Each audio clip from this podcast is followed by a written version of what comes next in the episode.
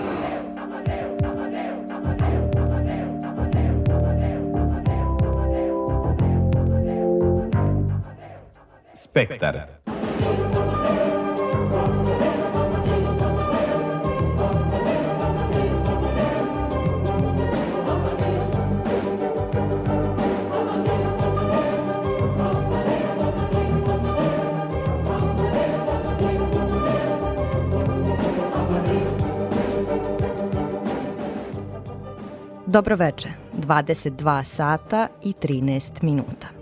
Ja sam Ana Čupić. Slušate poslednje junsko izdanje Spektra, magazina za kulturu Radio Novog Sada.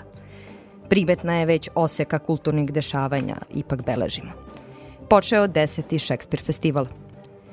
Nina Živančević objavila novu knjigu poezije. Počeo je festival kratke priče Kikinda Short – a od sutra u Kikindi se tradicionalno okupljaju vajari na simpozijumu Tera.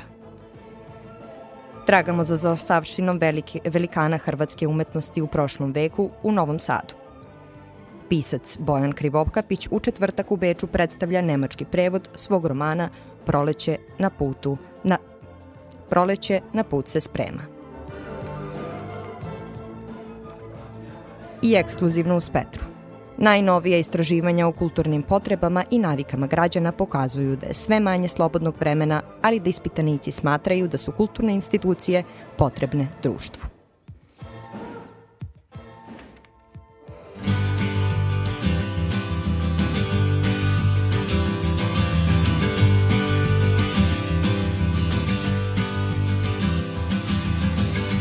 Like the moon moves the tide You influence my mind like the planets and the stars. Keep the rhythm to your time.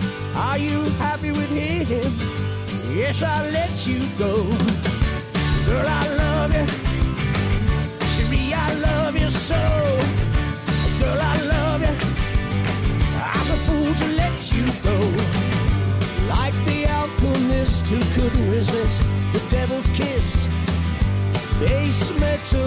doesn't go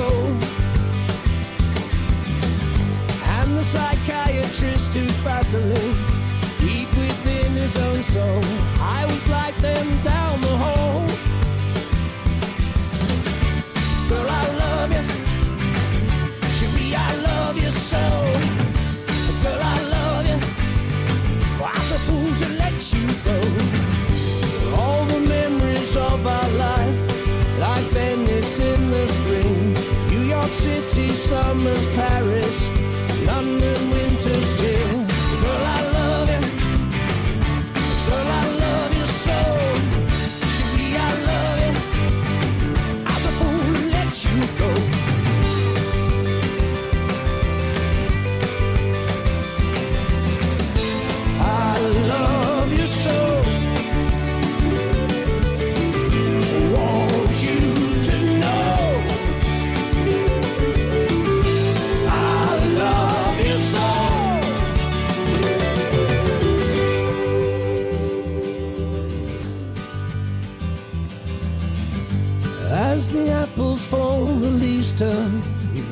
To autumn's call, but you still know your way.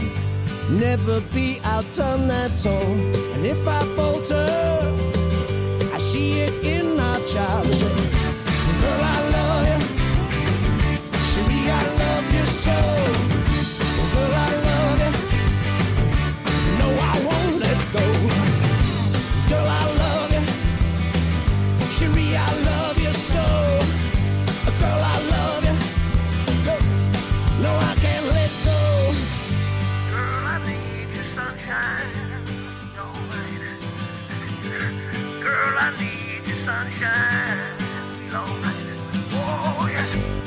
Baby, I love you.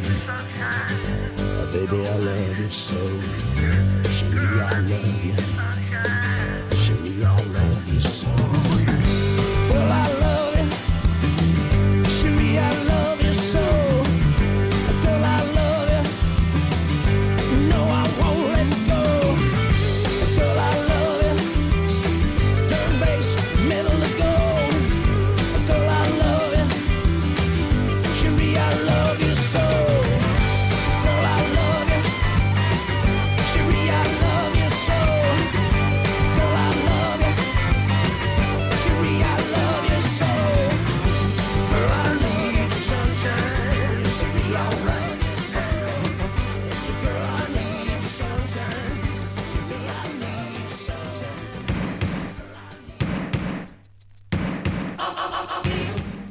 Premijerom Bogojavljanske noći u režiji Ivana Vanja Alača sinoć je u Čortanovcima počeo jubilarni deseti Šekspir festival pod sloganom To ispade bolje nego što sam se nadao. Do 5. jula biće odigrano još šest predstava. Nastupit će trupe iz Jermenije, Turske i Velike Britanije. U slučaju kiše, festival se seli u Novosadsko pozorište mladih. A sada o sinoćnoj predstavi. Mlada glumačka ekipa okupljena oko ove predstave sinoć je uprkos velikom broju komaraca oduševila publiku. Moj sagovornik je glumac Miloš Lazić. Od Ace Popovića koji je na neki način klasik preko Molijera do Šekspira. Da, I nije loš taj put za mladog glumca. da, ovaj, sad kad tako kažeš, da, zvuči stvarno pa pre svega lepo. Ovaj, skoro sam postao svestan te činjenice, baš u razgovoru sa jednim svojim kolegom koji je u instituciji ovaj, zaposlen za razliku od mene i baš smo komentarisali kako bez obzira na to što nisam u tom smislu negde u stalnom eh, angažmanu, sam imao ipak sreću da nekako dođu veliki pisci i velike uloge, što mi je neizmjerno drago i na čemu sam stvarno zahvalan do neba. Bogojavljanska noć je jedna jako simpatična vodviljska predstava baš za ove da. letnje dane. Da li je uh, komplikovanije igrati na polju nego unutra? Pa svakako nosi neke svoje zadatosti na koje kao glumac moraš da se navikneš i moraš da budeš svestan, pre svega moraš glasnije da govoriš, moraš da budeš prisutan, da, mislim, vetar nosi glas, tako da moraš da budeš prosto intenzivniji u onoj meri u kojoj su ti uslovi to nametnuli. A opet to polazi od istog principa da si prisutan, da si sad i ovde u trenutku i da ovaj, znaš šta radiš. Ja sam nekako gledajući predstavu stekla utisak da si e, se ti onako baš lepo prilagodio tom e, otvorenom prostoru obzirom da je to nekako i prirodno kada je tvoj lik u, u pitanju.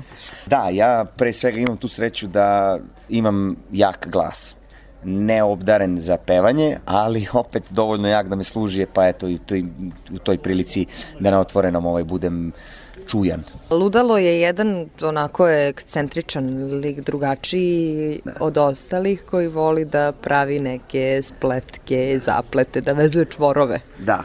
Znaš kako, mi smo ga e, malo unapredili i nadogradili. Mi smo malo, mi smo se upoznali ovaj, sa tom ludom na jedan interesantan način i onda smo sa tom našom ludom unapredili Šekspirovu ludu i napravili, kako bi rekao, tu neku fuziju gde njega nema, on, on kod samog Šekspira integralno nije u ovoj funkciji, ali smo mu mi, znajući sad šta znači luda za Šekspira i na šta se misli kad se govori luda i kako je to sve zapravo on najmudriji, najinteresantniji lik negde, ovaj, na tom tragu smo se vodili da ovako pravimo i ovog ludala, tako da je on, da, voli da se igra, voli da smesti, voli da bezazleno, pre svega, ono što bi rekli bele laži, jako možemo tako da kažemo. I još jedno pitanje za kraj da obuhvatimo sve, pa i početak ovog festivala, ovaj desetog po redu da proslavimo. Šta za tebe danas znači Šekspir i za, zašto ga je bitno igrati? Uvek je bitno igrati velike pisce, bez obzira da, hvala ti, upravo mi je sklonila komarca sa čela. Ovaj, hvala ti. Uvek je bitno igrati velike pisce zato što su vanvremenski. Vanvremenski su zato što su zahvatili neke mehanizme koji su uvek, čini mi se, postojali, koji postoji koji će uvek postojati.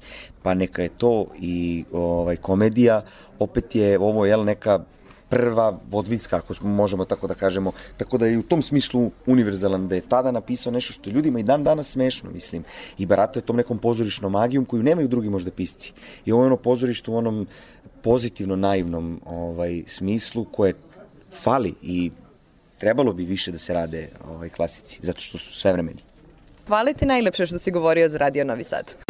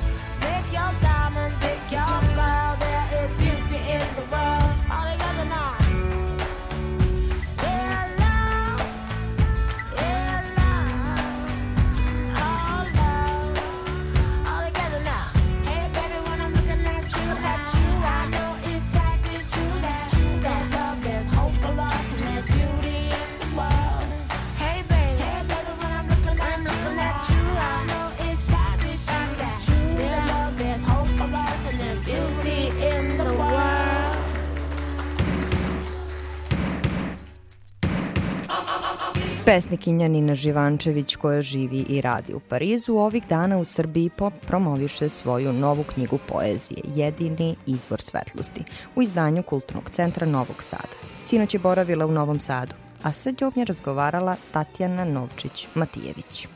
Ja verujem, posle toliko decenija stvaranja, komunikacije, još imate taj osjećaj u, u direktnom kontaktu sa publikom, tu, tu prijatnost. Da, apsolutno. Ja, to, to je neki kontakt koji ja veoma cenim i mislim da je to prava stvar kada pokušam u stvari da nekako izložim ili obrazložim to što sam napisala i što se nalazi u knjizi. Jer pazite, recimo ova knjiga počinje sa upravo o tome o čemu razgovaramo, I počinje prva pesma je, kaže, ono što. Ono što je neispisano, znači naša komunikacija, gest, govor, ono što je neispisano ostaje i mnogo je bitnije od onog što je iznutra, reče on nakon čitanja završenog rukopisa.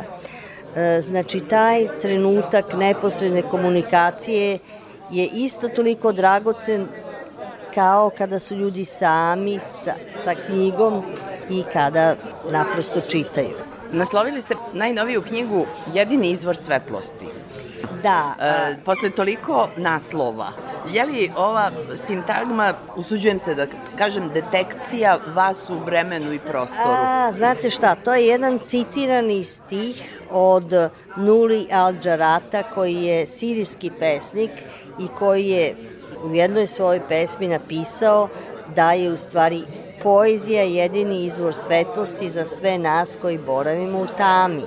I ja sam bila slobodna, to me toliko očaralo u stvari da skoro nisam nešto čula ovaj, eh, da poezija u stvari ima i ona ima to celovito lekovito dejstvo i eh, ko bi, ko bi nego pesnik iz Sirije danas mogao tako nešto da kaže. Tako da je to to je da, da, prosto, prosto pripada i vama, li? Osjećate da, da, da je da, to negde... Da. Pa jeste, da, jer često se pitamo šta je poezija, koja je njena funkcija, u nekom od mojih pesa, knjiga, hoću da kažem, sam i razgovarala o tome, diskutovala šta je poezija, gde ona počinje, gde prestaje, kako gubimo poeziju, sve može da bude poezija i dete koje jede sladoled i to su sve neke poetske akcije, ali kako ih u stvari nazvati, kako ih smestiti na, na prazan list papira ili kompjuter, to je već druga stvar. E to, to me e, zanima, s obzirom na stvarno veliko iskustvo u, u pisanju poezije, je li još imate i uzbuđenje i neizvesnost pred novom stranicom na kompjuteru, kad, kad treba da krene pesma, kako kreće pesma? Znate kako, pesma se uvek, u mom slučaju pesma se uvek piše sama i ja osetim potrebu kada jedan trenutak osetim da je tu stvari pesma tu, kao da je držim među zubima, šta ja znam, kao nešto što sam zgrabila. Ja u stvari onda trudim se da je pribeležim a kada u trenutku dok sam pred kompjuterom, to je već neka redakcija, prerada, završna faza, da, završna da. faza. Ali i dalje beležim i u svoj blokčić i sada često i sada često čak i u telefon i tako da je to sve ovaj, sve su to neki načini. Dakle, slaže se. Da. Materijal i onda kad se oblikuje, onda i onda izađe. Je li ima redakcija posle?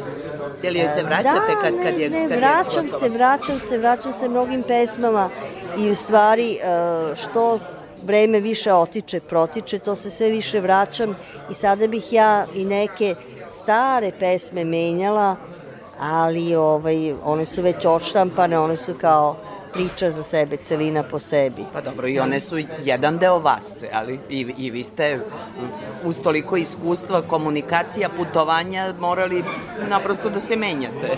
Apsolutno, apsolutno. Međutim, ne, treba ih možda ostaviti takve kakve jesu u izvornom obliku i e, ali pitala sam se pre neki dana, e, gledala sam, čitala sam u stvari redakciju, prevod, italijanski prevod moje poezije na italijanski I onda poredila sam original sa italijanskim i rekao, pa da, ovo stvarno nije trebalo, možda je trebalo izostaviti, ne znam, neki stih ili neku strofu, ali neka, neka ostane tako kao što jeste, da.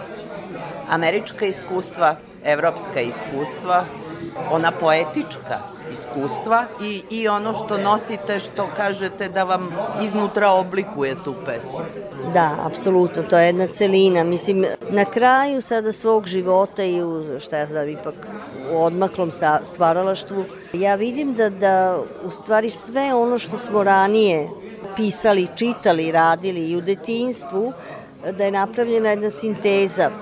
Dejan Aleksić je pre neko veče u Kraljevu napravio veoma zanimljiv pokušaj, etimološki pokušaj da pronađe e, koja su to biće i koje su to lektire i čitanja koje borave u mojim pesmama, što je bilo dosta smelo i onda sam navela činjenicu da je u stvari kad sam bila veoma mlada, da je upravo o, moj brat nedavno preminuo Milorad Živančević, da je mi je poklonio zbirku koju on uredio naših narodnih epskih pesama.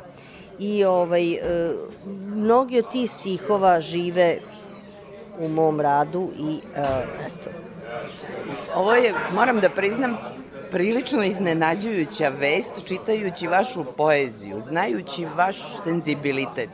Nikad ne bih pomislila da to nasleđe seže do usmene epske poezije. Apsolutno, apsolutno. Ona me oslobodila mnogo toga nekog uglačanog stiha koji nije naš, recimo kao što je francuski stih ili šta ja znam. Kao što sam večeras pročitala Stenicu koja je apsolutni utice recimo Antuna Gustava Šimića ili bilo je to i drugih pesama kao ja ih ne naslovljavam recimo da kažem, ovo je neko nasledđe Dušana Matića, ali recimo on ima stihima večeri koje su glečeri, onda sam ja nadovezala. Tako da, da je, tu intertekstualnost je prepoznao Aleksić i baš je, i baš je se trudio da pronađe odakle potiču određene pesme, što sam ja zaista videla kao jedan veliki lingvistički i književni poduhvat. Sigurno, ta intertekstualnost je vrednost sama po sebi, da, da. Kao, kao jedna kategorija koja negde govori o usuđujem se da kažem, bezobalnosti onih uticaja, jer znamo da ste i velika putnica, apsolutno stanovnica sveta koja upija iz svih kultura ono što želi da prisvoji ali, i što je i vidljivo i, i u vašem radu, dakle ne samo u poeziji, nego pre svega i u putopisima, ali, ali i u prozi, u esejima. Da, da, pa dobro, hvala. Počeli smo s irijskim da... pesnikom, a je li ima, je li ima neka vertikala tih uticaja ili, ili je to onako disperzivno? Pa disperzivno, znate šta, jako, mislim, kako da vam kažem, ako bih ne, razmišljao raznim uticajima, pre svega, evo, što se tiče same bit generacije, osim uticaja a, Alena Ginsberga, očigledno, a, ja sam se upoznala sa celom bit generacijom i tu su, tu su recimo baš ti isečci ili kataps od Vilijama Barosa, gde je to, to živimo u jednom veku iskolažiranih fragmenata. To su sve neki fragmenti koji su iskolažirani. Ako je kolaž uspeo, onda možemo da, da, da, da tragamo šta se u stvari tu dogodilo. Teško bi bilo možda i meni i samoj teško iznenađujući kada neko pronađe odakle potiče, odakle to sve dolazi, pošto ni ja sama nisam svesna, mislim, znate šta to su hiljade i hiljade čitanja, različitih čitanja koje, ovaj, koje su svakako ostavili. U stvari ta čitanja i moja prevođenja su sigurno ostavili mnogo većeg traga I moram na kraju da vas pitam, pošto ste i teoretičarka književnosti, jesmo li i u teoriji sada u, u toj fazi disperzivnosti, fragmentarnosti različitih poetičkih pristupa, različitih e, teorijskih odnosa prema tekstu, prema književnosti. Da, kako da ne. Prošle su ona vremena izama, jeli, kada je e, jednostavno bilo e, teorijski objasniti. Apsolutno, apsolutno. Ja mislim da sam se ja obračunala baš o čemu, o čemu govorimo, odnosno što vi pominjete, u, ovaj, u, u mom manifestu ima ovde jedan šaljivi manifest o ovaj, avangardama i ja kažem ono što je avangardno svakako treba da je više od izama. Avangarda nisu izmi to je pogrešno jedno tumačenje i e, sve ono u stvari što je novo što svaki vek vidimo ili svaku deceniju pomeranje jedno malo milimetarsko kao da svi, svako od nas, da kažemo uslovnočeno umetnika, stvaralaca, kao da stavljamo po jedan mali kamenčić u taj ogromni mozaik ljudskog znanja i kreativnosti i sve to, tako da ja ne mislim da, da ja činim nešto novo ili da, ali baš i celjanski je stalno isticao i govorio da uvek naš život, odnosno radi stvarno što treba da bude jedan korak dalje, jedan korak više. Ako ne, kaže neka sve đavo nosi ili ne znam kako što to bilo. To Srećom, đavo nije odneo i ne nosi u vašem slučaju i hvala vam najlepše na da. svim stihovima koje ste nam podarili. Hvala vama tekstovima. na vašem prisustvu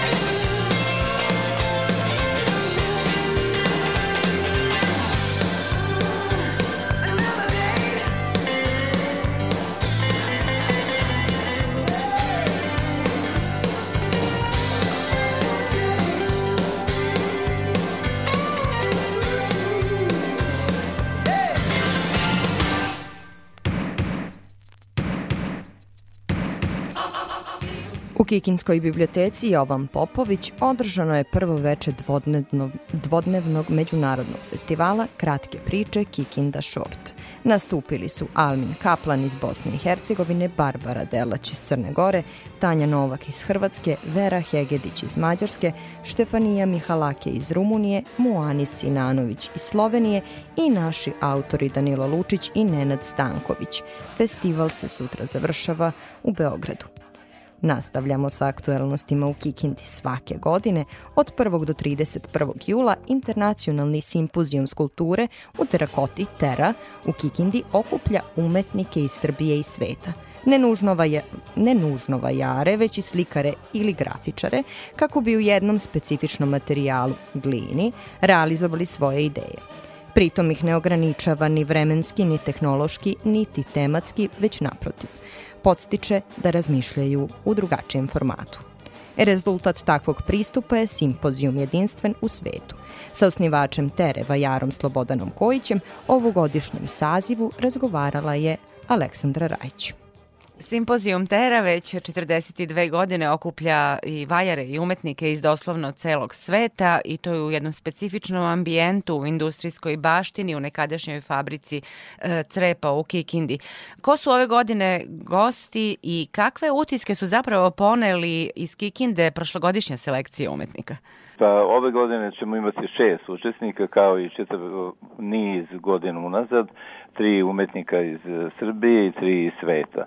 Naime, ove godine će iz Srbije učestvati Čedomir Vasić, Saša Pančić, Miroslav Stamenković, a iz e, Evrope e, Nikola Nenadić iz Hrvatske, zatim Ledija Konstadini iz Albanije i e, malo duži, duži ime ima Jorge Beda Morcillo Julian iz Španije.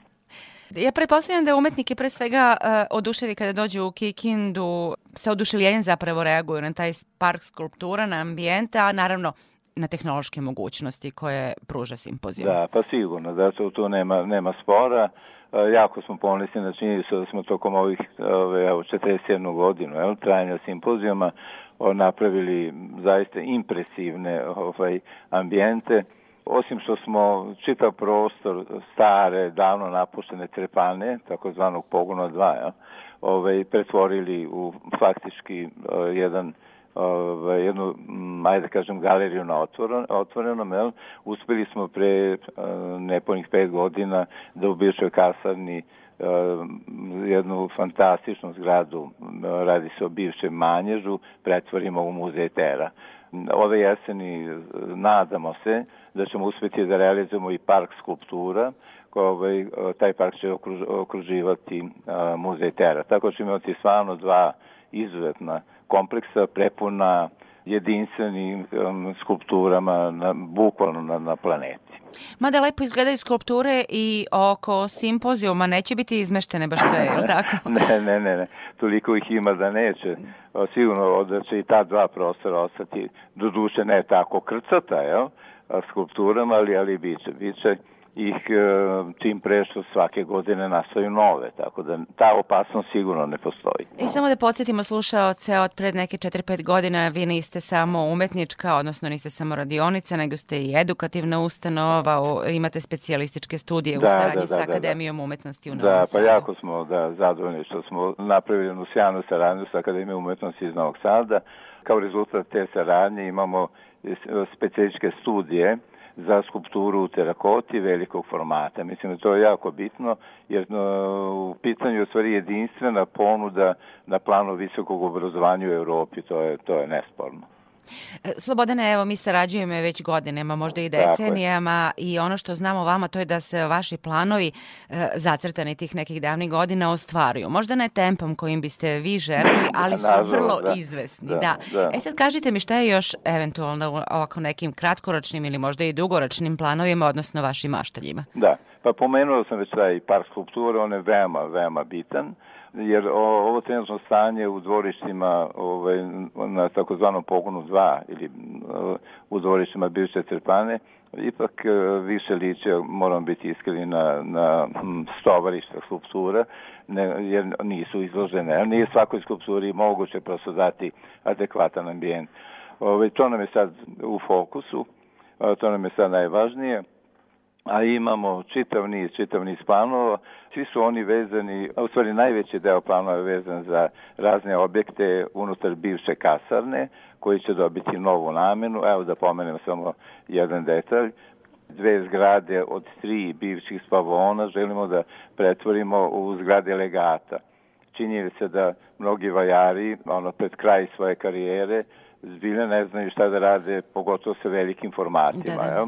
Tako da smatramo da ćemo biti jako, jako onako, već, već znam, jer sam razgovarao sa mnogim kolegama, mnogi se veoma raduju toj činjenici da će u jednom takvom ambijentu u kome je epicentar skulptura ovaj, se naći i njihovi komadi. Eto, vi, to je da, jedan od... vi ste pomenuli ovaj izraz tovarište, ja bi pre upotrebila izraz nestvarna lepota, zaista i sklad terakote i, i te trave da, oko... pa vaša formacija je svakako mnogo bolja. Slažem se. No, želim vam puno sreće u tim nastojanjima. Svakako se vidimo i ovog jula, da podsjetimo Da, simpozijum traje ceo jul. Hvala Da. vam puno. Hvala i vama. Slobo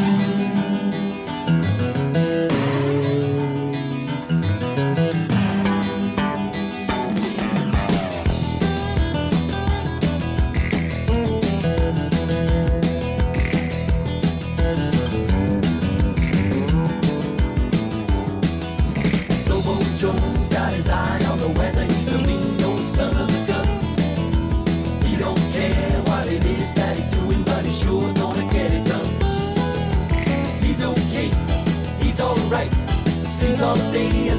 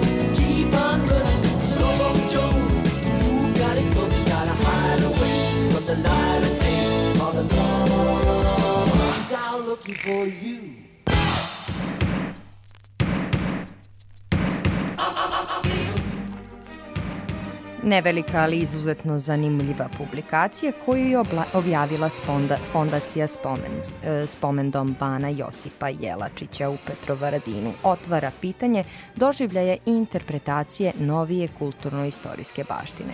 Reč je o knjizi koja se bavi delima velikana hrvatske umetnosti u 20. veku u Novom Sadu o delima vajara Ivana Meštrovića i arhitekata Ivana Vitića i Josipa Sa- Sajsla piše istoričar arhitekture Vladimir Mitrović. Sa njim je razgovarala Aleksandra Rajić. Istorijske okolnosti, pre svega mislim na 20. vek, ali naravno i one starije, uticale su na to da je ova naša lokalna vojvođanska, zapravo novosadska kultura uvijek bila otvorena za hrvatske umetnike. Ne samo umetnike koje gledamo po galerijama, galeriji Pavla Beljanskog ili Matice Srpske, nego i za umetnost u javnom prostoru. Vaša knjiga o trojici velikana hrvatske umetnosti koji su uticali na novosadsku kulturu i to oni čija su dela zapravo znamenitosti, neka reperna mesta i neki važni toponimi u gradu zapravo o kome govori? Pa da, posebno je važna činjenica da su od tri dela kojima se knjiga bavi, dakle Meštrovićevim e, spomenikom posvećenim Svetozaru Miletiću, Muzeju revolucije, današnjem muzeju savremene umetnosti koji je projektovao Ivan Vitić i Novo groblje u Novom Sadu koji su zajedno projektovali e, bračni par Sesl. Tako da e, činjenica je da su oni svi, odnosno dva su došla direktno na konkursu, jel? znači za Muzej revolucije i, i groblje je bio raspisani veliki konkursi, Uh, jedan je bio pozivnog karakter, jedan je bio potpuno otvoren i ovi autori su pobedili sa svojim konkursnim radovima i oni su, oni su izvedeni. Posebno je to bilo zanimljivo za groblje, jer groblje je jedna stvar uh, i, jedan projekat koji traje nešto duže, jel? Dakle, na projektima za groblje Sijeslovi su radili 15 godina, dakle, trebalo je sve predvideti unapred i samo e, zasađivanje drveća i sve ostalo, dok je ovo ostalo bilo ipak relativno brže. Meštrovićev spomenik je, kada je bilo organizovano da se razmišlja uopšte o njegovom spomeniku, i naravno znalo se već da će to biti lokacija na centralnom Novosadskom trgu, razmišljalo se isto tako o konkursu. Međutim, neko je onda u upravnom odboru tog konkursa predložio da se naruči direktno spomenik od Meštrovića, čitav upravni odbor se složio i tako je došlo do podizanja tog spomenika. E, između ostalog, meni je bilo zanimljivo tri primera, tri hrvatska autora, ne samo zato što su autori hrvatski, jel, jer su učestvovali još na nekim događajima. Danas gostujući nekad nisu bili, da. Da, d- ovaj, učestvovali su još u nekim događajima, konkursima i nešto prerata i tako. Nego, bila mi je zanimljiva činjenica da ta tri spomenika i pored njihove očigledne vrednosti i kako godine prolaze, oni postaju sve vredni i vredni, na neki način nisu bili prepoznati u svojim sredinama. Dakle, e, posebno se to odnosi na hrvatsku sredinu, a kasnije ću se vratiti malo na to, dok je u novosadskoj sredini e, Meštrović naravno poznat i zbog samog natpisa koji je kasnije uklesan na spomenik, međutim u groblju se malo zna, to je nekako polutabu tema, ljudi odlaze tamo, međutim niko ne primećuje da je to, ovaj, odnosno ipak se primećuje, jel? da je to jedno projektovano groblje i da je to jedna projektovana celina koja stvarno zaslužuje pažnju i u tom hortikulturnom i u urbanističkom, pa ako hoćete i u, u nekom a, prirodnom ambijentu.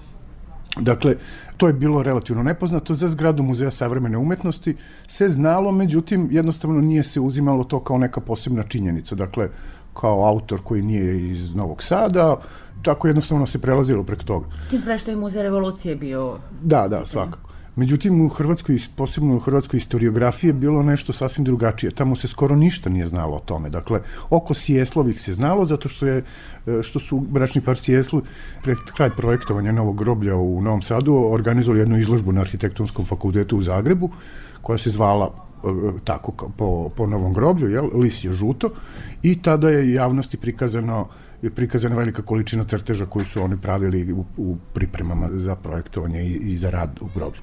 Da zanimljivo je kako su Sajslovi detaljno i vrlo e, precizno zapravo projektovali to groblje. Supruga je bila inženjer hortikulture. Da, arhitektonski, a- odnosno, rekli bi više urbanistička postavka samog groblja je proizašla iz uh, jednog običnog lista, jel? lista na drvetu. Dakle, ako bi se iz vazduha pogledalo kako izgledaju polja novog groblja, one u stvari izgledaju kao listovi. I one su potpuno razdvojenog sadržaja, dakle s jedne, ulazi se direktno na trg, tu se obavljaju sve te, sve te potrebe za, za, za samo sahranjivanje, dok je groblje na neki način odvojeno drugim putem i to je potpuno razdvojeno. E, groblje u svojim džepovima, tim malim listićima, ima poseban e, izbor drveća. E, ako samo zamislimo da je tu bilo stvari gola ledina, jel? Da je ona morala od početka, dakle, da bude, da bude na neki način napravljena, ona stvarno sad izgleda i nedavno kad smo išli da snimamo, e, izgleda sasvim lepo i posebno u ovo vreme.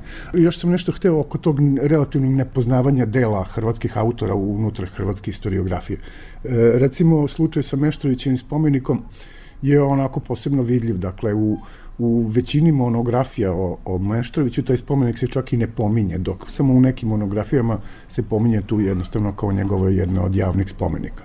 Isti slučaj sa, sa Vitićem, postoji monografija koja je posvećena arhitekti Vitiću i tu je isto tako on samo pomenuta činjenica da je on projektovao zgradu i pored te druge činjenice da je unutra njegove karijere koja je bila i bogata i plodna, on je bio i privatni projektant što je bilo redkost u Jugoslaviji 60. godina, posebno je zanimljivo to što je to njegova jedina muzejska zgrada, a kako znamo u doba bivše Jugoslavije nisu se e, nove muzejske zgrade tako, tako lako ra, gradile. Jel?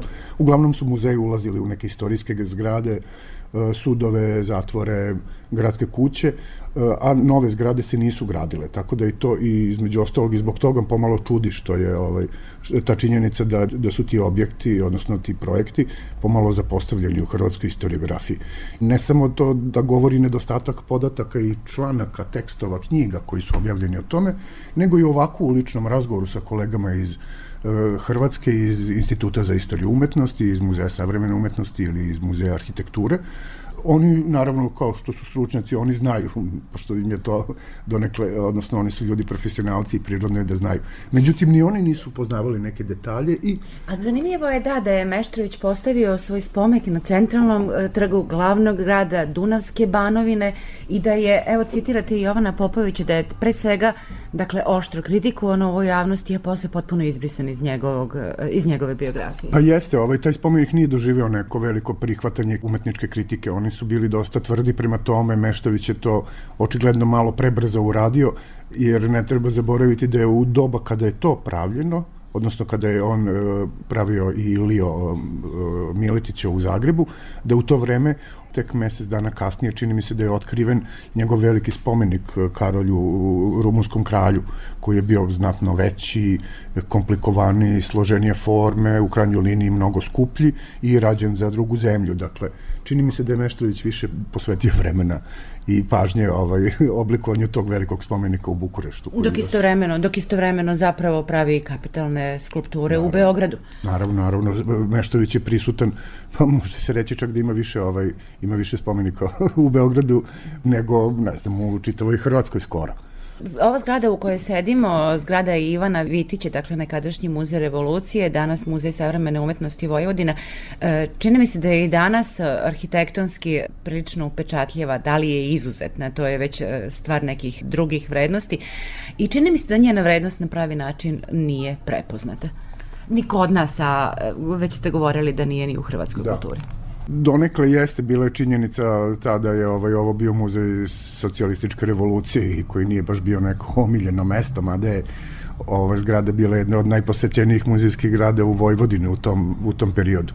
Međutim, zgrada je dugo tavorila, jednostavno zbog promene narativa samog muzeja koji je prešao u muzej Vojvodine, a kasnije kada se uključio u eksploataciju, taj, tako nazovemo muzej savremene umetnosti, onda je zgrada donekle malo preživela i oživela, tako da je danas ovaj ipak ona relativno posećena i naravno zavisi sve to od programa. A što se tiče percepcije, pa ja imam osjećaj da je svake godine ili svakih nekoliko godina da raste interesovanje za zgradu i da na neki način dolaze nove generacije koje prepoznaju možda samo taj brutalističku opnu same zgrade ili ih raduje kad uđu u naš atrium e, zato što je lep zgodan međutim e, kao i svi objekti ova zgrada mora da se održava i mi smo je dugo održavali polako.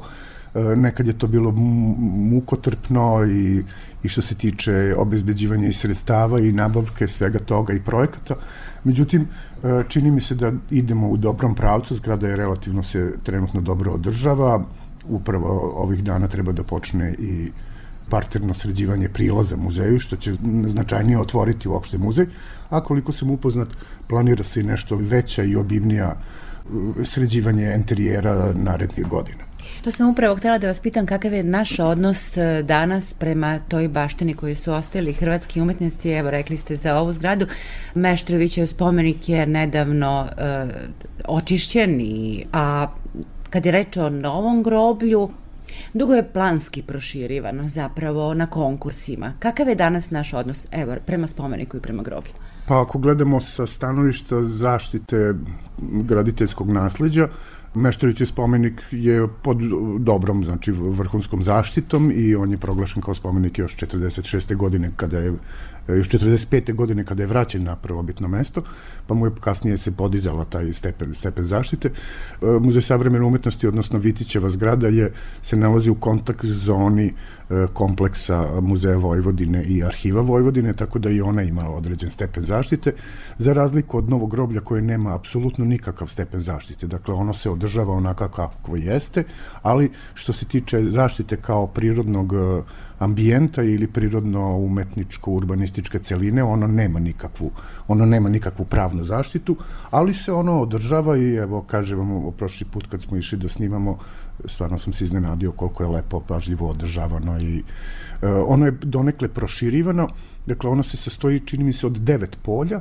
i predviđeno je još jedno veliko polje koje je popunjeno krajem 80-ih i tamo je napravljeno spomen groblje poginulom za vreme drugog svetskog rata, tako da i to u stvari mesto koje, koje je CS predvideo, samo ga nije konkretno on projektovao. Međutim, u poslednje vreme se malo širi to groblje i čini mi se da će taj list da se multiplicira pa će to postati ne, neki, neka čitava grana. Da, Hvala vam na razgovor.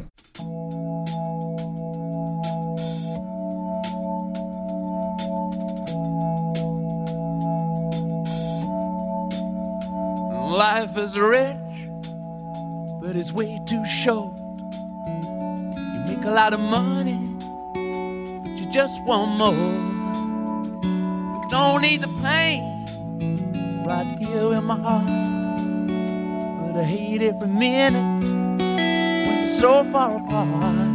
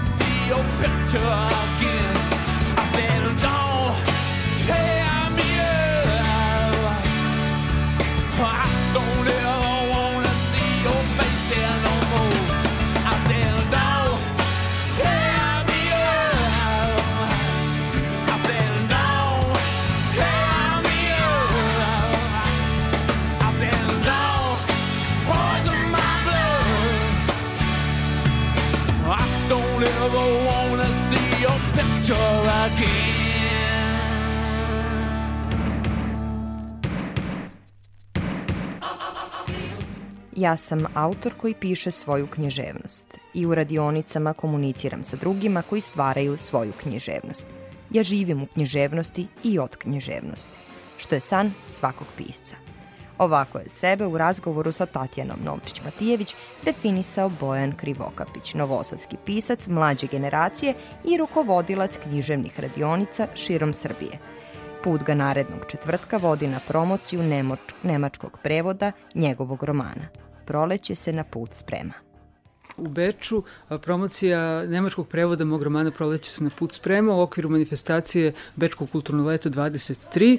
Dakle, malo druženja sa bečkom i domaćom publikom. Program naravno na nemačkom i na našem jeziku. Tako da eto roman koji je objavljen 2017. godine u Srbiji i u Bosni i Hercegovini. Par godina kasnije eto ga i na nemačkom govornom području. Kažu pisci kad hoćeš da uspeš u Evropi onda je važno objaviti knjigu na nemačkom jeziku široko otvara vrata za, za svakog autora. Ja se nadam da otvara vrata. Meni je zaista bila velika radost kada su me kontaktirali iz izdavačke kuće Eta Verlag iz Berlina da pitaju da li sam zainteresovan da prevedu roman i da ga objave. Rekao sam pa ko bi odbio berlinskog izdavača. Evo, sad je knjiga, dakle, u četiri države, ako dobro sam prebrojao, četiri države nemačkog govornog područja. Čestitam. Kako ide ona privatna književna radionica Bojana Krivokapića? Radionica napreduje i sve je nekako veća, sve više ljudi.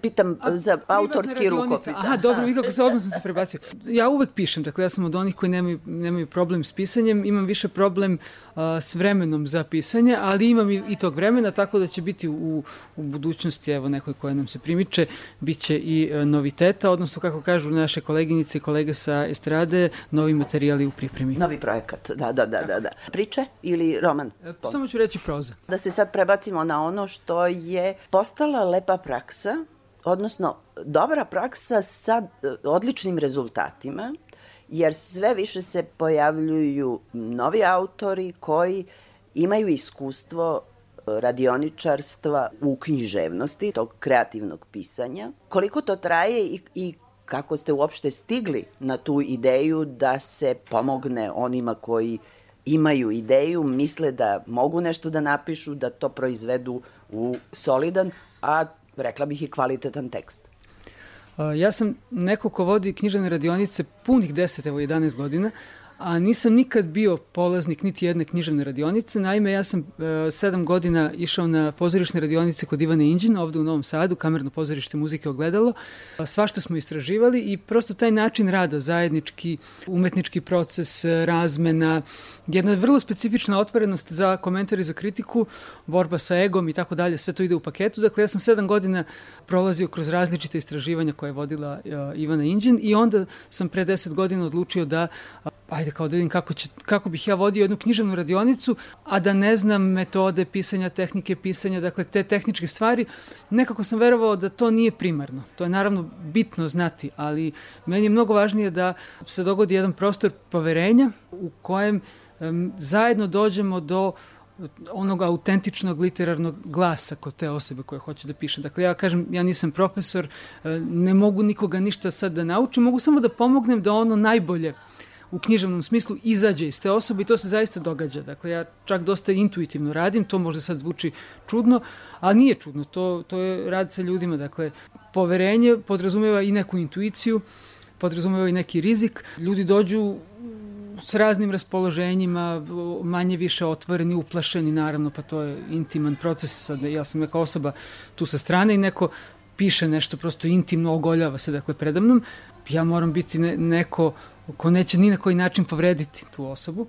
I onda se dogode te divne stvari. Dakle, ljudi pišu m, kratku prozu, poeziju i romane su neki napisali. I onda te, te knjige, ti tekstovi žive. Dakle, te knjige dobiju svoj život i radionica, neću da kažem da ima smisao, ja znam, od početka znam da ima smisao, ali se događa jedna vrsta emancipacije ovog polja oko nas, više se ne gleda podozrivo kao nekad na to šta su sad te književne radionice, kao možeš misliti, sad će neko nekog da nauči da piše, ili se rodiš kao pisac ili se ne rodiš. Mislim, ja, ja verujem da je pisanje koliko je usamljenički proces toliko je i nekako zajednička stvar. Odnosno, ja sam po karakteru ta vrsta osobe koja voli da komunicira s ljudima i ne vidim problem da umetnički proces bude zajednička stvar.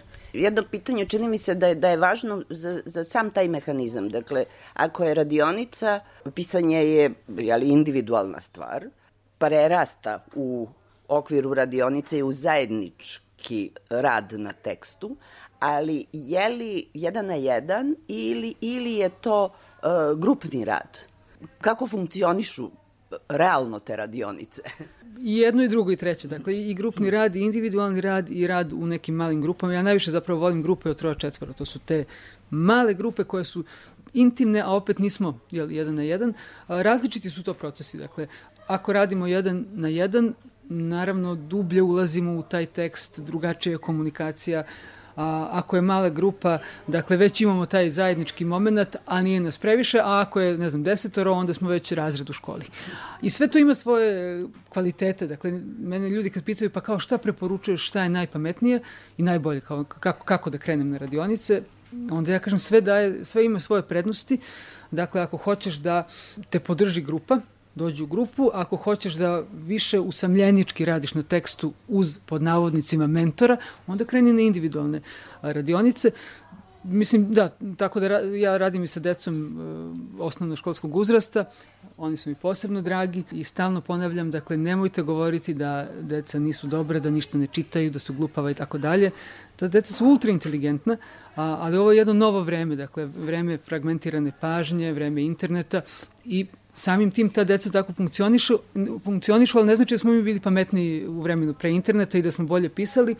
I ta deca čitaju. Dakle, to su nekad kratki neki Instagram e, tekstovi ili, ili nešto prosto što je kraća forma I to treba poštovati. Dakle, Ovo stolo ja, mi i Twitter priče su potpuno legitimisane tako, kao forma. Tako, da, da, da. Ja, ja, na primjer, kad, kad radim sa decom, ne insistiram na nekim dužim formama, nego idemo malo po malo. Nekad deca kažu, jo, pa ne mogu, kaže, ne mogu celu stranu da napišem. Kažu, napiši dve rečenice.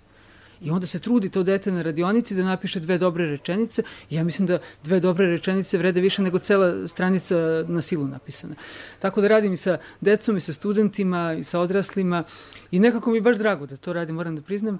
A kad sam počinjao da vodim radionice, radio sam razne druge stvari u životu ko, ko svi ljudi koji moraju da prežive. Nisam verovao da ću jednog dana zapravo ja živeti od radionica. Da, dakle, ja sam autor koji piše svoju književnost i na radionicama a, komunicira sa drugima koji stvaraju svoju književnost. U stvari ja onda nekako živim u književnosti i od književnosti. Mislim da je to san svakog pisca. Kažeš, može od toga da se živi. Znači da negde ima taj kontinuitet zainteresovanih i motivisanih ljudi, mladih ljudi ili čak srednjih godina. Zašto I ne? I starijih da. da. Interesovanje uvek postoji, dakle nema, nema mrtve sezone nikad. Korona nam je donela uz sve muke i, i naviku da, da online radimo bez problema. Tako da od korone nekako te radionice su ono idu preko granica država i preko bare, uvek ljudi zainteresovanih a, ima i sad ja radim nekad sa ljudima u fizičkom prostoru, nekad radim online i nema velike razlike, moram da priznam. Kad sam počeo da radim online, činilo mi se da, da je prestrašno sad gledati u taj monitor, u tu kameru i ne, nekako ne osetiti živu osobu pored sebe. Mm, ali valjda književnost ima tu snagu, tekst nas povuče te, i povuče i nekako čujemo se, vidimo se dobro, može, može i online. I dokle se prostiru fizički te radionice, online je i prebacio na druge online, kontinente. Online je stigao do Amerike, da. Ove, dobro, online zaista ima ljudi, naših ljudi iz ovde bivše Jugoslavije, Evrope, Amerike, A što se tiče fizičkih prostora, radio sam u kulturnoj stanici Barka u Novom Sadu sa decom osnovnoškolskog uzrasta i prošlu sezonu sam radio u Domu kulture studentskih grada na Novom Beogradu. Sada u julu idem u kulturni centar Šabac, tamo radim sa srednjoškolicima, a u septembru, evo sad previše informacije, u septembru sa srednjoškolicima u Novom Sadu u kulturnoj stanici Svilera.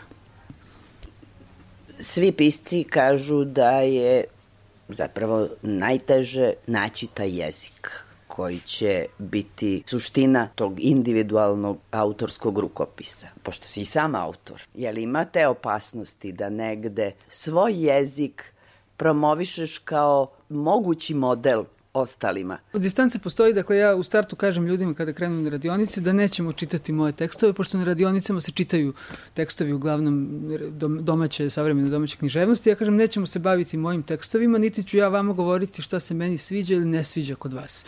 Potpuno je nebitno šta se meni, i zaista meni se neke, neke stvari, neki tekstovi sviđaju, neki ne sviđaju Tako da mislim da nema te opasnosti i ne vidim da, da nekako sad da se prebacilo nešto moje ili obrnuto nekako ljudi kada oslušno i osete taj svoj glas, nema tu bojazni da će druge knjige, da će, druge, da će tuđa književnost uticati previše. Tu ima, evo sad ovo pitanje otvara i ono, kao da li kad se piše knjiga, ne treba čitati druge knjige.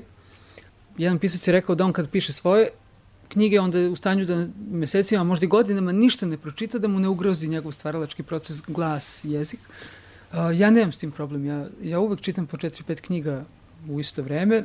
Neki ne pročitam do kraja i zašto bih neke pročitam. Ne vidim da tu može da se dogodi neka vrsta ugroze, može samo da se dogodi podrška, dakle da književnost podrži tekst koji nastaje. I na radionicama dosta o tome razgovaramo, kad mene ljudi pitaju zašto ja dajem te lektire. Ko, mislim, ja volim onako kao stara škola, dakle, od susreta do susreta da se pročita lektira, lektira je priča, ciklus pesama, odlomak proze, da se uradi domaći zadatak i onda pitaju ljudi a zašto je to važno. Kažem, važno je da vidimo kako će tuđi tekstovi uticati na tvoj stvaralački proces, kuda ćete usmeriti i, ili kako će ti razbistriti neke magle i shvatit ćeš šta nećeš. Tako da, to, to je komunikacija između tekstova koja se događa bez problema. Želim ti još puno zainteresovanih. Zapravo je lepa vest, radosna vest da ima mladog zainteresovanog sveta za uh, književno izražavanje. mnogo više nego što možemo da zamislimo, a u narednim godinama ćemo videti i te knjige i te tekstove, ja im se uh, jako radujem.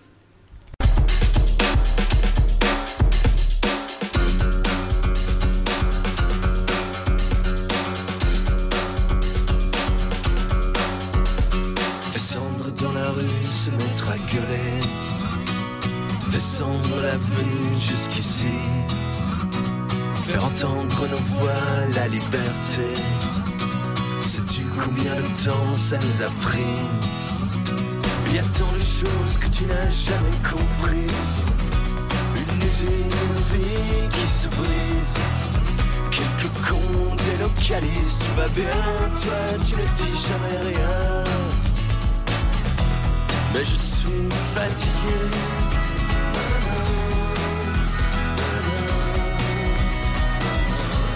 Alors laisse tomber.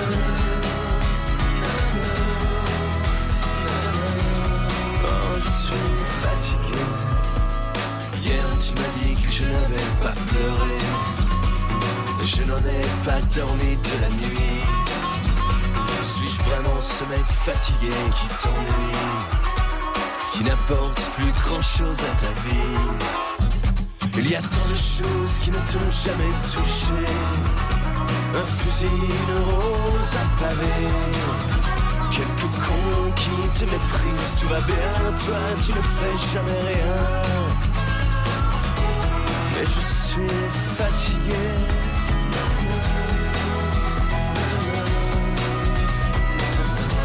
Alors laisse tomber.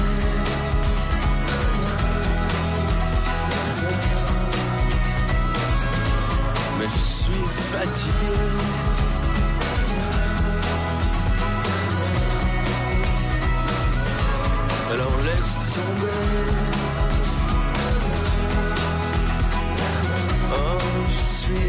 Fatigué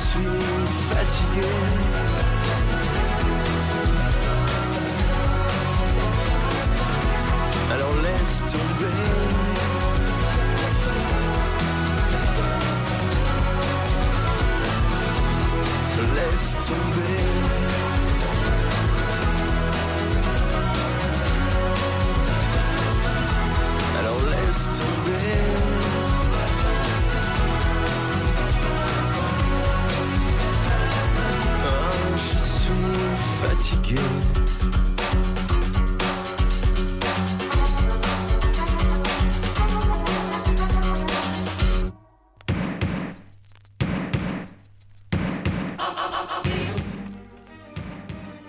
Sada o kulturnim navikama i potrebama građana. Najviše vremena građani provode konzumirajući televizijske i internet sadržaje. Gotovo polovina ispitanih čita knjige, a tek 10 do 15 odsto njih posećuje kulturne institucije. Istovremeno, većina je saglasna da su one potrebne. To su neke od činjenica iz velikog istraživanja u 12 evropskih zemalja, uključujući i Srbiju, koje u razgovoru sa Tatjanom Novčić-Matijević predstavio učesnik u projektu, kulturolog iz Novog Sada, Goran Tomka. To je jedno četvrogodišnje veliko istraživanje na evropskom nivou 12, u 12 zemalja a u Srbiji to radi Centar za empirijske studije kulture iz, iz Niša. I mi smo pošli projekat sa idejom da nešto sa, u evropskim kulturnim politikama ne valja. U smislu da se nude obećanja da kultura nešto radi što možda nije možda nisu realna obećanja, možda kultura to ne može da ispuni. Recimo, nude se obećanja da kultura može da unapredi kvalitet života mnogo ljudi. Da li je to stvarno tako ako znamo da mnogi ljudi ne mogu da dođu na sadržaj? Priča se o tome da kultura može da proizvede neki ekonomski efekt. Da li stvarno može u zemlji koja je mala, koja ima malo tržište, koja ima jezik koji nije veliki svetski jezik, poput engleskog, naravno francuskog, španskog i slično. Tako da, hteli smo da uskladimo obećanja koje kulturna politika nudi sa onim što stvarno vidimo na terenu. I radili smo puno istraživanja sa građanima u Evropi, znači negde oko blizu 15.000 građana širom Evrope, uključujući u Srbiji, Hrvatskoj, ali imamo i ovu zapadni deo Evrope sa Danskom, pa sever Finska i tako dalje. Dakle, cijel dobar deo Evrope je onako pokriven. Mi polazimo od pretpostavke da je ljudima ono što rade, to im je važno. To u slučaju e, stvari kao što je kultura, ali slično donekle i za obrazovanje i zdravstvo, uopšte nije tačno. Jer mi polazimo od pretpostavke, to je sad stara ta neka homo economics, taj jedan racionalni čovjek koji samo gleda usko svoje interese, ja to što meni treba to.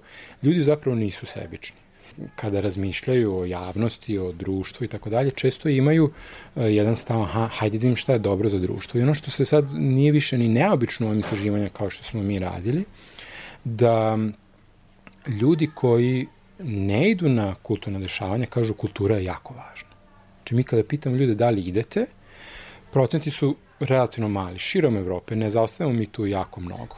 Konkretno, koliko otprilike? Zavisi od koje, koje forme i to ćemo možda isto dotaći. Velika razlika da li treba da se obučete, sednete, kupite kartu i tako dalje, pa onda pričamo o pozorištu, muzejima i tako dalje. Tu je malo manje negde oko 10%, 15%, zavisi sad od, od um, forme i tipa i grada i da li imate pristup tome ili nemate, koji životni standard i tako dalje, ono što je veći životni standard, neke stvari su vam lakše, možete da um, priuštite to sebi, ali to uopšte nije ključno. Malo veće procente pokazuju naravno televizija, uh, internet sadržaj i naravno čitanje knjiga. Knjige dođu negde i do 40-50% građana.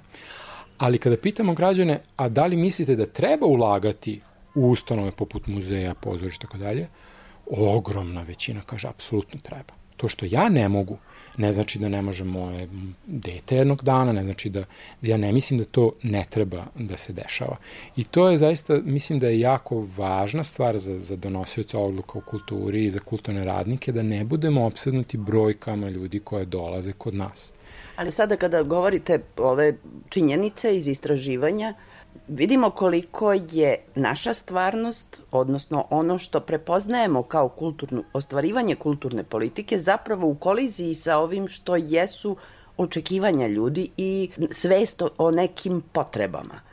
Svako će reći, da, vi u pozorištu morate da živite od karata i vi izdavači morate da e, imate knjige na tržištu. Ali, previše je kultura gurnuta na tržište. Apsolutno i mi prvo mislim da to kao princip ne treba da bude tako. To je kao kada biste insistirali da merite da li ljudi idu trotoarima, pa onda ako ne idu trotoarima ćete da ih, što se do duše i dešava, ćete da ih ukinete. Pa ne, ne, radi se uopšte o tome. Mi ne znamo u kom trenutku će ljudi imati neku potrebu i tako dalje. Dakle, postoje neke stvari koje su u javnom domenu, koje su javna što, vrednost. Što će reći, imamo dobru vest, kultura je potrebna. Jel? Kultura je apsolutno potrebna. Po, potrebno im je ono što je takođe jako važno, to smo kasnije u intervjuima videli, ljudi kažu ja želim da živim u društvu u kojem umetnici mogu da rade, u kojem postoje ustanove kulture, pa onda i dobro zdravstvo i tako dalje. To što ja mogu ili ne mogu da koristim, a pričat ćemo o tome šta je ključno u to da li koristim ili ne koristim, to ne znači da ja nisam, da sam ja za ili, ili protiv toga. Dakle, ja želim da živim u društvu u kojem je to važno i mislim da politika mora u tom smislu da, da, da se promeni. Da mislim da je jako važno da, da shvatimo da je kultura važna ne samo kao praksa, nego kao kvalitet nekog društvenog ambijenta u kojem živimo. Rekli ste, doći ćemo do onoga šta je ključno za to. Mogu, ne mogu sebi da priuštim, ali e, smatram da je potrebno da to postoji. Koji su to ključni činioci? Mi tradicionalno mislimo da zbog toga što živimo u tom društvu gde su kultura, kao što ste rekli, gurnuta na tržište, mora da se plaća, postoje velike ekonomske nejednakosti i tako dalje, mi onda pretpostavljamo, kada kažem mi kulturnjaci u kulturnom sektoru, eto, treba da ponudimo niže cene, ključ, jedan od ključnih alata za kulturne politike je da su neke subvencije i tako dalje. Ne mislim da to nije dobro, ali istraživanja pokazuju da najsiromašniji i najbogatiji vrlo slično posećuju e, kulturne sadržaje. Vrlo, vrlo slično. Ono što, što određuje da li će neko ići na kulturne sadržaje ili ne, e, u smislu para je jako malo značajno. Dakle, pare nisu određujući e, faktor. Ono što smo takođe dugo uvreženo bilo, ne imam društvo, imam društvo, to takođe ne igra neku značajnu ulogu. Obrazovanje se dugo priča da jeste važno i ono jeste donekle važno, ali iz intervjua sad još pokušavamo da, da razumemo šta je ključno. Čini nam se da nije toliko to da li ja mogu da nađem, da li mogu da razumem sadržaj i tako dalje, već postoji jedna vrsta navike kod ljudi koji su obrazovani, navike jesu važne. Ali ono što nam je zanimljivo bilo, ključna determinanta za to da li neko posećuje i koliko često posećuje sadržaje, da li ima vremena ili ne. I mi smo to, moram priznati, u, u ranijim nekim istraživanjima poslednjih 15-20 godina, onako malo otpisivali, jer to je jednostavan odgovor.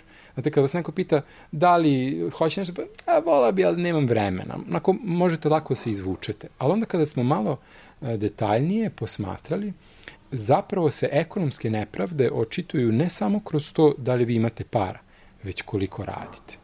Jer ono što se dešava u Srbiji, to slično se stvar dešava u raznim zemljama u takozvanoj tranziciji, a u stvari u novoj vrsti kapitalističke eksploatacije, je da ljudi više ne mogu da zadovolje svoje finanske potrebe jednim poslom, nego preko vremeno, dodatno. Mislim, svi se dovijamo na sve moguće načine, plus sad ovi odlasci u inostranstvo, na privremeni rad, pa na ovo, na ono.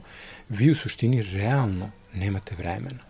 Dakle, to ne govori o tome da li biste vi želeli ili ne biste želeli, govori o tome da je zapravo taj nivo nekakve naše uposlenosti, da ne kažem eksploatacije od strane rada, koliko je rad zauzeo sve pore uh, našeg društva, čak i sada i privatne prostore, od kad smo od covid i od kuće radimo i vikendom i noću i tako dalje, vi zaista posle toga nemate snage i volje da uopšte se upuštate u to. Dakle, vreme je ključni prediktor. I sad moram da vas pitam, da li tu postoji razlika e, recimo među ispitanicima u zemljama koje su nedavno prošle tranziciju i onih gde je kapitalizam već e, razvijen e, više vekova, jedan stabilni, uređeni sistem, ma kako to sad ružno zvučalo kad ja izgovorim. Hoću reći, da li je eksploatacija veća u ovim novokapitalističkim zemljama nego u onim razvijenim i ono što zovemo uređenim zapadom. Da, postoji razlika, ali mislim da nije toliko u tome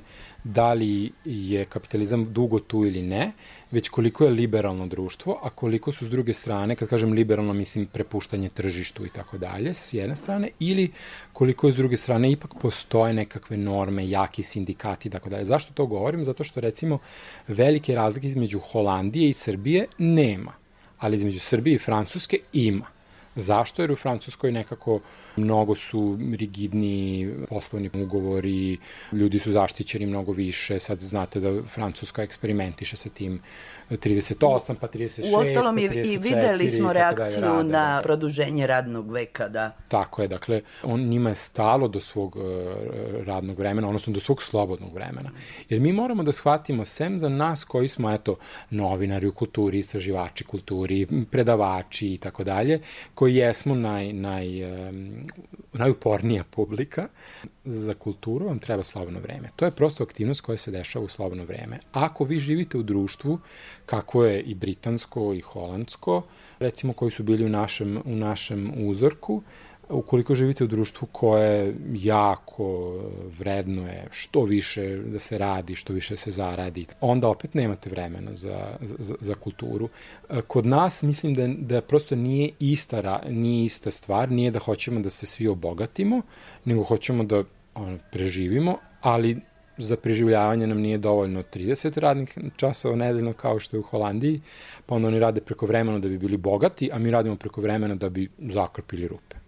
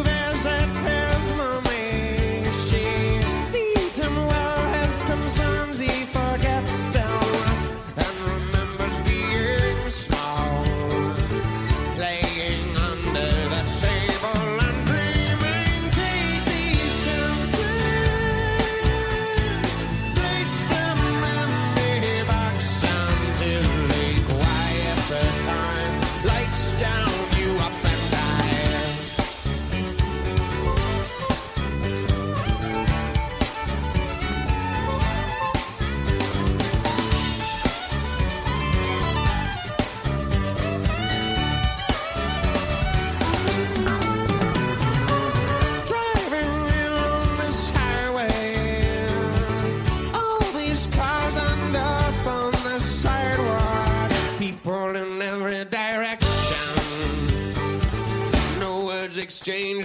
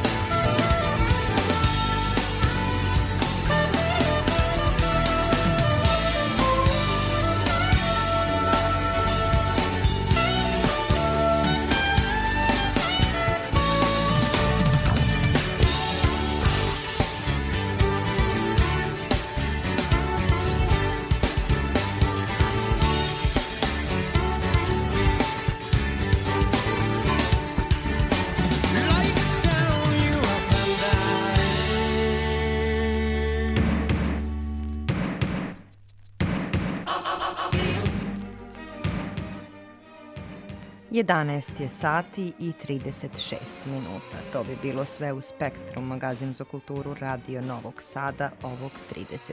juna. Čujemo se u julu. Laku noć i slatke snove želi vam Ana Čupić.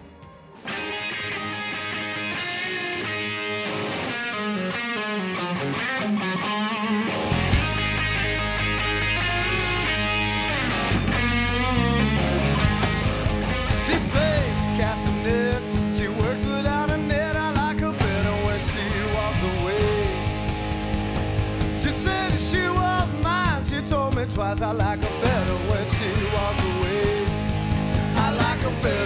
she walks away. I like her better when she didn't stay. I like her better when she dances my way. Like her better when she walks my way.